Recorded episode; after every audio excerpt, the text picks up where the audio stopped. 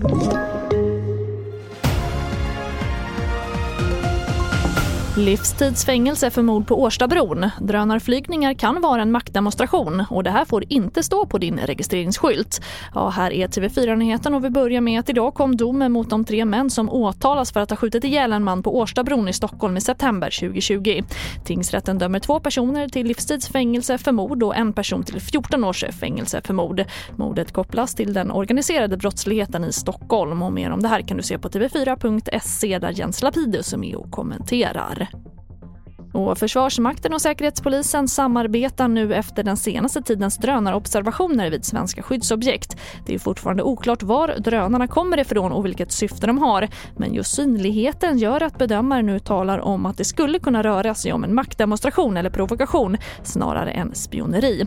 Ulf Lepp på Försvarsmakten. Det är ju alltid så då att visa närvaro är ju ett sätt att visa att man är där. Och det kan man ju göra på alla möjliga sätt, och våra drönare är ett. Försvarsmakten och Säkerhetspolisen är nu i samtal om hur de bättre ska kunna hantera liknande incidenter. Att skjuta ner drönare är oftast inte den bästa lösningen. Problemet då, är att då kommer de relativt nära våra skyddsobjekt. Vi vill ju se till att de inte kommer till våra skyddsobjekt. Och då har vi andra medel och då kan vi helt enkelt störa ner dem. Alltså störa kommunikationen mellan piloten och drönaren och på det sättet omöjliggöra att han kan flyga. Och reporter här var Per Liljas. Och vi avslutar med att allt fler vill ha en personlig registreringsskylt på sin bil men långt ifrån alla ansökningar går igenom. Exempel på ord som fått nej är polisen, covid-19, Festu, Gangsta och Trump.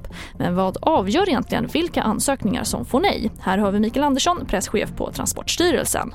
Alltså det är det här som är det svåra. Att, uh, jag brukar säga att det finns över 10 miljoner eh, människor i Sverige och det finns 10 miljoner åsikter om vad som är okej okay och inte okej okay på en personlig registreringsskylt.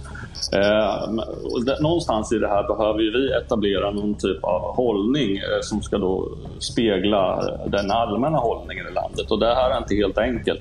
Men när det gäller uttryck som, som eh, kan kopplas till eh, politik, det är också en sån här kategori där vi känner att vi, där är vi ganska, ganska tuffa och säger nej till det mesta.